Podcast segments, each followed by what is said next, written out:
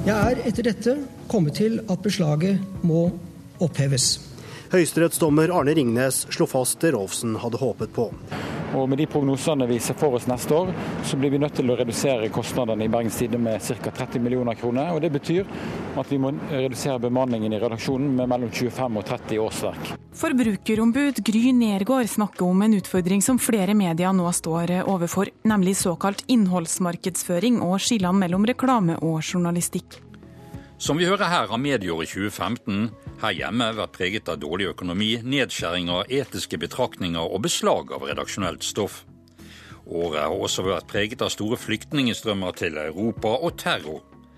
For å se tilbake på medieåret har vi samlet et panel bestående av Dag Inge Fjell, ekspert på reklame og visuell kommunikasjon ved Høgskolen Campus Kristiania, assisterende generalsekretær i Norsk redaktørforening Reidun Kjelling Nybø, redaktør Helge Øgrim i Fagbladet Journalisten og redaktør Harald Stanghelle i Aftenposten. Og Stanghelle, hva har du festet deg ved når det gjelder media i 2015? Ja, 2015 begynte jo svært dramatisk med eh, massakren i Charlie Hebdo-redaksjonen onsdag 20.1. Og selv om det er eh, nokså langt ifra vårt land, så er det klart at eh, det setter en tone. Det skapte et alvor. Det utløste en samtale og en debatt som vi ennå holder på med. Av de mer eh, heimlige ting så eh, er vi jo i ferd med å få på plass et momsregime som eh, mediene er nøyd med. Vi har diskusjonen om innholdsmarkedsføring, som definitivt er pågående. Og ikke minst så har vi fått en veldig viktig kildeverndom i Høyesterett i Rolfsen-saken. Så du kan si at dette året har vært ramma inn av to viktige prinsipielle ting. Det ene er eh, samtalen som Charlie Hebdo-massakren utløste. Det andre nå mot slutten av året er kildeverndommen i Høyesterett. Helge Øgrim, eh, hva har den økonomiske eh, situasjonen for de trykte medier, men også for allmennkringkasterne, har det skapt i løpet av 2015? Det har skapt stor engstelse, først og fremst, tror jeg. Fordi at bunnen er falt ut av Eh, annonsemarkedet veldig langt på vei for veldig mange trykte medier. Og det spesielle som skjedde i 2015 i år, er at man så store revner i gulvet under de digitale inntektene også, i hvert fall de digitale annonseinntektene.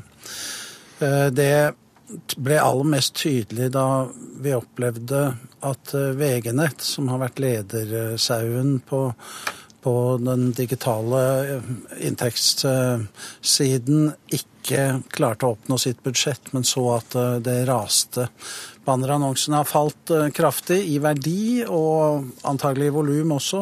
Og andre modeller har eh, foreløpig vist seg skjøre. Så det er mye større engstelse på slutten av 2015 for de økonomiske modellene enn det var ved starten, sånn som jeg opplever det. Nå snakker jeg primært om de tradisjonelle avismediehusene. Men vi har jo sett nedbemanning eh, både i f.eks. NRK og i de trykte mediene. Hvor går smertegrensen for dette? Ja, nå er jeg ganske usikker på om de to fenomenene lar seg sammenligne i det hele tatt. Ja, altså. NRK har hatt en vekst i antall journalister, eh, redaksjonelle medarbeidere, tror jeg jevnt over gjennom det siste tiåret. Eh, å sammenligne det med det som er skjedd i Dagbladet eller Aftenposten eller Stavanger Aftenblad eller Bergens Tidende eller andre steder Jeg, jeg eh, må si jeg nøler med å, å å regne det i samme kategori i det hele tatt. Noen medier, eh, og særlig da de som er eh, statssubsidierte eller finansierte, har en helt annerledes solid økonomi enn de som baserer seg på løssalg, annonse og delvis abonnement, selv om abonnementsavisene står litt tryggere enn løssalgsavisene. Eh, assisterende generalsekretær i Norsk redaktørforening, Reidun Kjelling Nybø. Vi har dette fenomenet som heter content marketing, eller innholdsmarkedsføring, som stadig flere aviser eh, tyr til. Hva gjør det med tilliten til journalistikken? Ja, Det er en utfordring eh, for journalistikken. og det, det, er ikke noe feil å lete etter nye måter eh, å, å, tjene penger på eh, for å prøve å finansiere journalistikken. Men man må finne måter man kan gjøre det på som ikke setter journalistikkens eneste fortrinn i fare, altså troverdigheten til journalistikken. Eh, og det er det veldig mange av våre medlemmer som, som jobber hardt med i øyeblikket. Eh, og vi prøver å hjelpe dem med det. Dag Inge Fjell, du foreleser bl.a. i reklame og visuell kommunikasjon på Høgskolen Campus Kristiania. Hva tror du dette gjør med tilliten til journalistikken når det blir vanskelig å, å, å si, skille mellom klassisk journalistikk og innholdsmarkedsføring? Det kommer, helt, unnskyld, det kommer helt an på hvilken um, kategori vi ser på. Altså Det som er Hovedregelen er jo at annonsekroner følger målgrupper. Uh, og, og, de mest verdifulle målgruppene det er jo de som bruker mest penger innenfor en kategori. Og, og det har vel alltid vært sånn at um, de som da skal investere mye penger i et kjøp, de, de går til de autoritetene uh, for å lese om råd, betraktninger osv. Og, så og det har jo på mange måter vært content marketing, det, opp igjennom. Um, altså at du, du, får på mange måter en dypere sånn ekkokammer. altså at De som kan mye om et kjøp innenfor en kategori, de skriver mye mer om det. De er i en symbiose med, med, med de som produserer. Um, og jeg tror at det her er eh, noe som alltid har vært, og det kommer til å forsterke seg. Altså Hvis du skal kjøpe en, en, en, dyr eh, iPhone, den beste, så går du på de bloggerne som virkelig kan dette. Du leser om det. De er i, i sin tur sponset av eh, leverandører. Sånn at det som er trøbbelet her, det er vel at mer mainstream-medier, som ikke har autoritet da, på å være virkelig gode kilder for den type innsikt, at de begynner å skal ta seg betalt eller prøve å komme med noe koblinger. Det er det som er det problematiske, tror jeg. Altså det at du har nisjemedier som, som er i en symbiose og, og, på mange måter driver med content marketing, alltid drevet med det, det er, ikke, det er ikke nytt, det er ikke farlig. Det er verre når mainstream-media begynner å, å, blandes opp i dette. Helge Øgrim, du er jo redaktør i Fagbladet Journalisten, som også er organ for Norsk Journalistlag, som igjen organiserer norske journalister. Eh, hvordan stiller en seg til denne content marketing-affæren som vi nå har fått i ganske så stort omfang? Ja, I Journalistlaget, der jeg for øvrig ikke er medlem, er eh, skepsisen eh, nok større enn Eh, i Redaktørforeningen f.eks. Redaktørforeningen er dominert av folk som, som, skuler til det økonomiske og det redaksjonelle samtidig, for veldig mange av dem er eneledere. Men journalistene er engstelige for eh, at, eh, at content og native advertising vil undergrave tiltroen til det de har som sitt hjerteblod, fri og uavhengig og kritisk journalistikk. Når det er sagt, så uh, syns ikke jeg egentlig at vi har tilstrekkelig dokumentasjon for at uh, uforsiktighet, uh, svak merking av content osv. medfører noe tillitsras til mediene. Jeg synes det, For meg framstår det mer som en hypotese og en påstand, og litt som retorikk, enn det egentlig er bekreftet noe sted.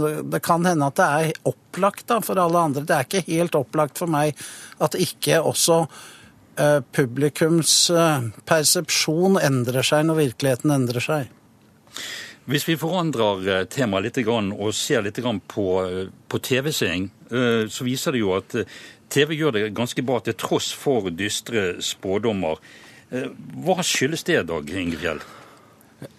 Det er, det er, to ting som har skjedd her. Det ene er jo det at de mest verdifulle uh, målgruppene, som du kan tenke, altså de mest høyt utdannede, de, de, med veldig gode lønnsinntekter, de har jo virkelig omfavnet Netflix dette året.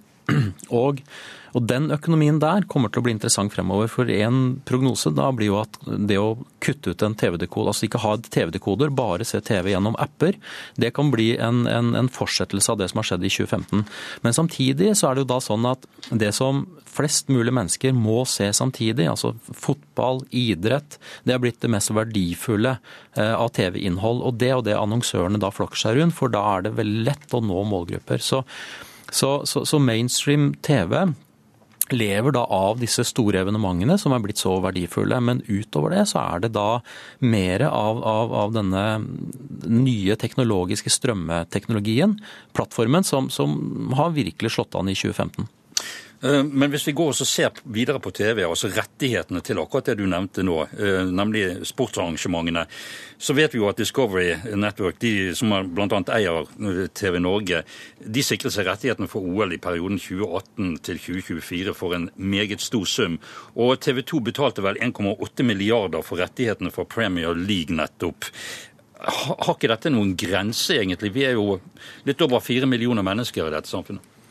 Ja, og igjen så er vi tilbake til, til det fenomenet med at de som virkelig er opptatt av fotball, de kan ikke få nok av fotball. De som er opptatt av vinteridrett, de får ikke nok av vinteridrett.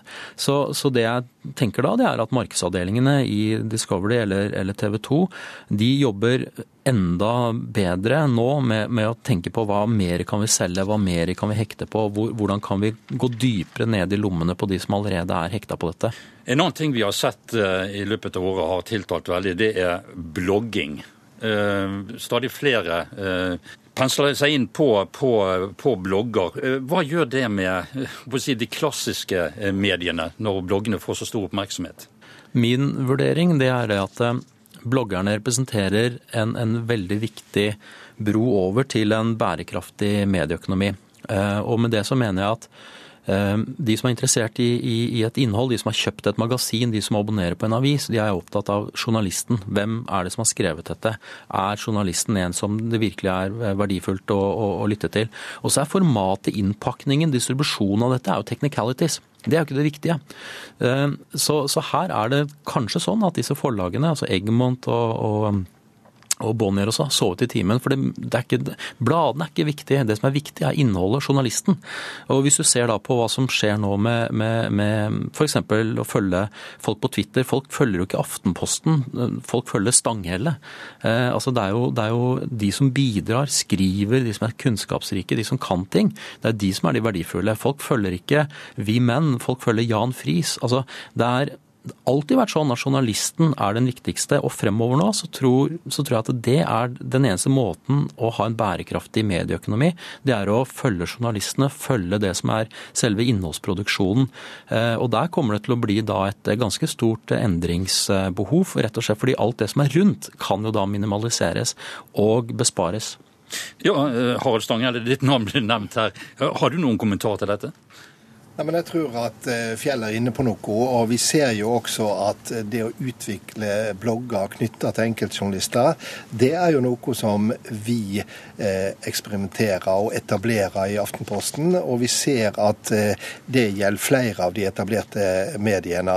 Vi er jo inne i en digital revolusjon på svært mange måter. Og det betyr at måten vår å jobbe på, den endrer seg hele tida. Måten vår å gi tilleggsdimensjon reaksjon til sakene våre eh, blir det jobba hardt med. Vi er annerledes i dag enn vi var for ett eh, år siden.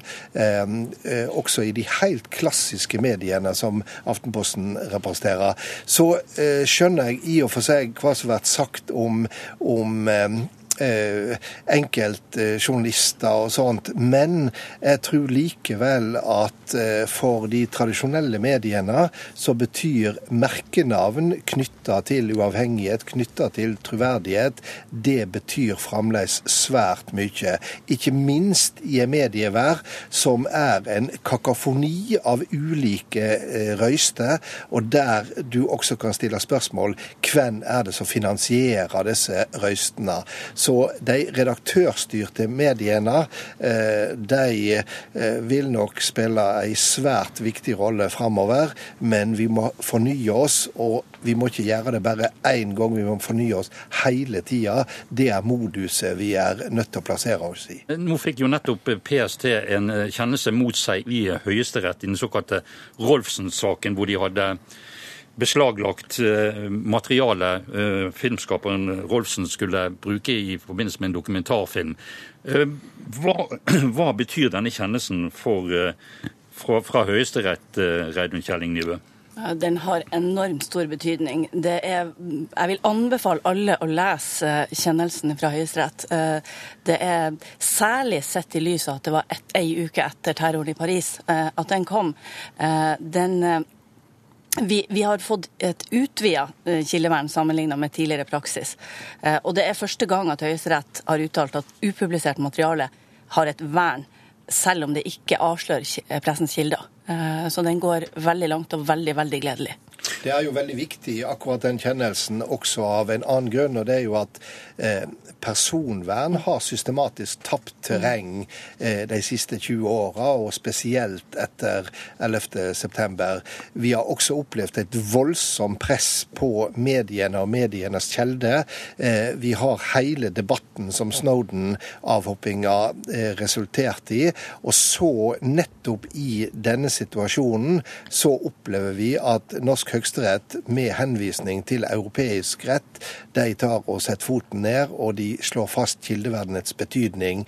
Ikke fordi at kildevern trumfer sikkerhet, men fordi at et effektivt kildevern faktisk kan på lang sikt eh, være en del av vår utvida sikkerhet, fordi at det fører til at eh, ting kommer opp som ellers ville, eh, ville vært halden skjult. Så her har Høyesterett tenkt langsiktig prinsipielt, der PST har tenkt kortsiktig. Og det er det som er så lett å gjøre i opphissa tider. Den fella faller ikke Høyesterett i. Så dette er en uh, veldig viktig prinsipiell dom, Helge Øgrim? Ja, den var ekstremt interessant. Jeg må si jeg var veldig usikker før, før kjennelsen kom. Og som mange andre sikkert litt usikker mens førstevoterende leste opp også. Hvor bærer dette hen? Det så jeg på folk, og jeg hørte andre si det etterpå. Men det er, det er absolutt veldig interessant at man at man klarer å, å, å, anlegge en så gjennomført prinsipiell holdning til, til en sak som eh, kanskje var litt vanskelig. Hvilke andre store saker er det dere har merket dere? Nå har vi vært inne både på ytringsfrihet og, eh, og eh, si, den teknologiske utviklingen og den økonomiske situasjonen for de trykte medier.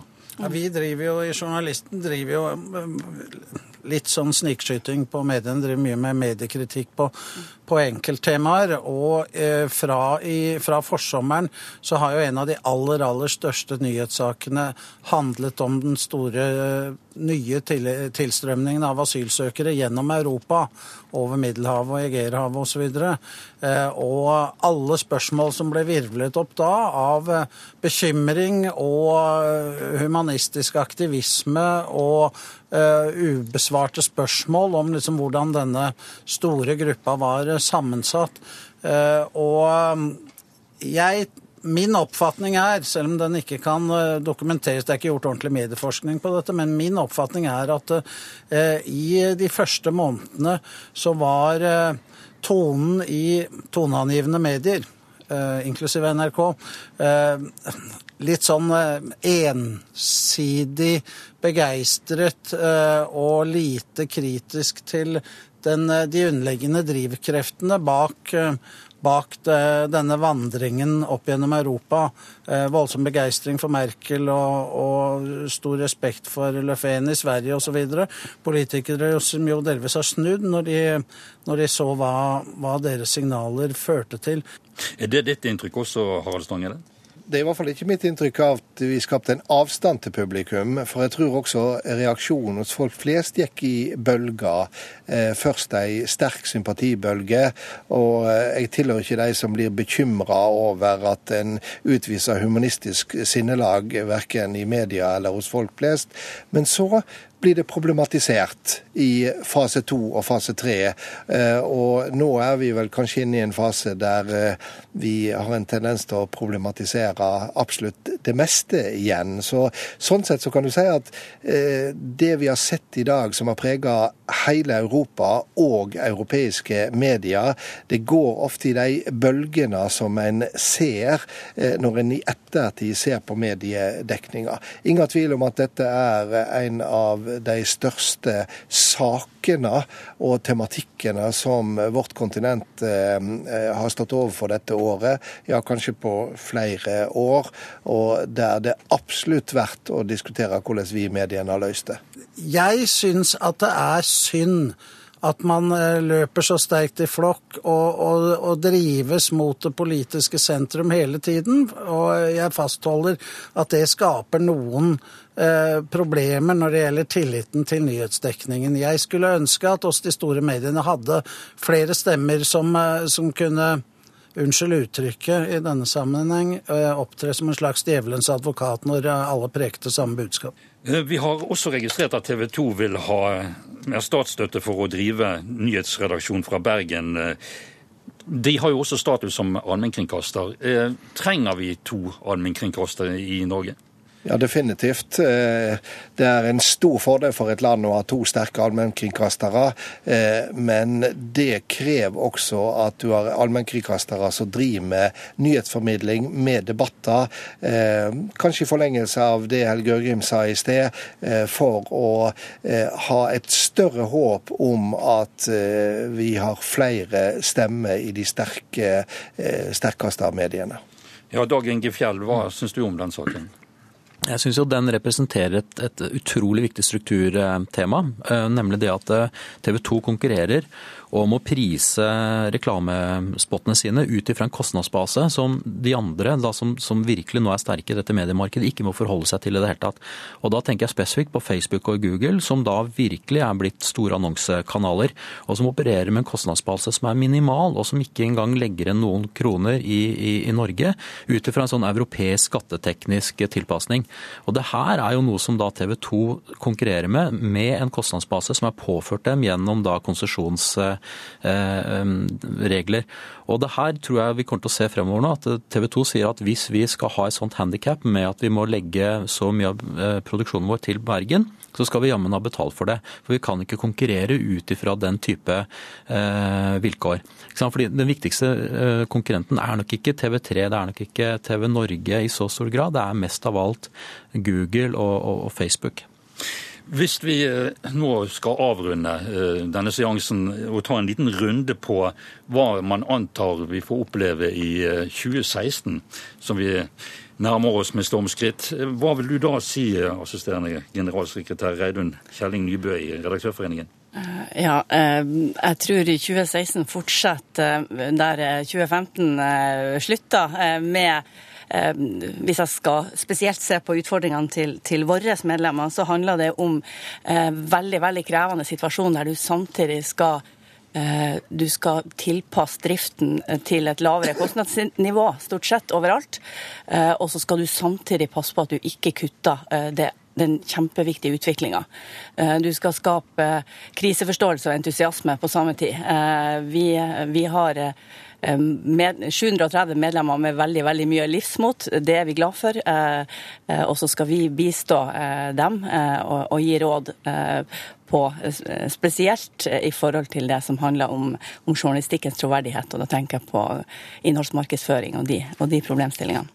Ja, Harald Stanghelle, har du et lite glimt inn i glasskulen? Ja, jeg er helt sikker på at eh, kampen for å opprettholde eh, journalistisk eh, kvalitet i ei tid med en stadig mer pressa medieøkonomi, det blir et kjernepunkt. Og det krever både nye forretningsmodeller, det krever kreativitet på nær sagt alle områder. Og så tror jeg dessverre at vi også i 2015 vil se et press fra enkeltgrupper på ytringer som en finner forkastelige. Og jeg er nok helt sikker på at eh, nettopp vernet om den, eh, den eh, diskutable ytring, kanskje den forakta ytring, det blir nok dessverre minst like viktig i 2016 som det har vært i 2015. Ja, Helge Øgrim, Annonseblokkeringen, som har skutt fart voldsomt i 2015, kommer til å fortsette å øke. Eh, det er veldig an, høy andel nå av eh, den norske befolkning i alle aldersgrupper eh, som sperrer annonser som en reaksjon på at de syns annonseflommen i allmennmediene og kanskje en del andre er plagsom. Det rammer alle medier. fordi at Blokkerer du først annonser ett pga. irritasjon overfor ett medium, så ser du ikke annonsene på de andre heller, med mindre de klarer å tigge deg til å gjøre et unntak. Eh, sånn at økonomien er fortsatt fryktelig usikker, og det store spørsmålet, eh, i tillegg til de eh, mine samtalepartnere har nevnt, er jo hvordan finner, hva er nøkkelen til en, til en bærekraftig finansiering.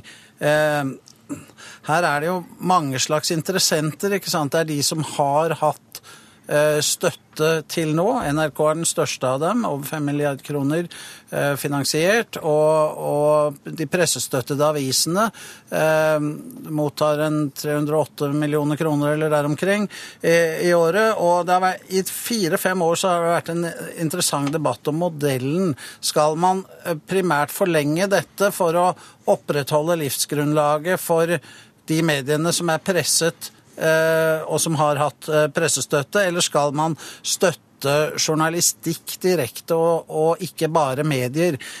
Ja, eh, Dag Inge Fjell. Økonomene pleier å påpeke at mediebransjen går liksom tregangeren. Enten tre ganger så godt eller tre ganger så dårlig som, som økonomien. Eh, og når vi nå da virkelig ser eh, alvorssignalene, så kommer det til å bli enda større innstramninger. Og, og en mulighet da er jo rett og slett at ok, Dagbladet går inn, det er et scenario. Eh, en annen mulighet det er jo at f.eks. Bonnier trekker seg ut av, av, av Norge. Det kan godt være at Egmont gjennom det grepet de har gjort med å, å rett og slett si at journalister er frilansere. Vi må ha en betaling per artikkel, betaling per kontrakt. At det gjør at man er stabil nok til å stå imot eh, en, en, en, denne strukturendringen.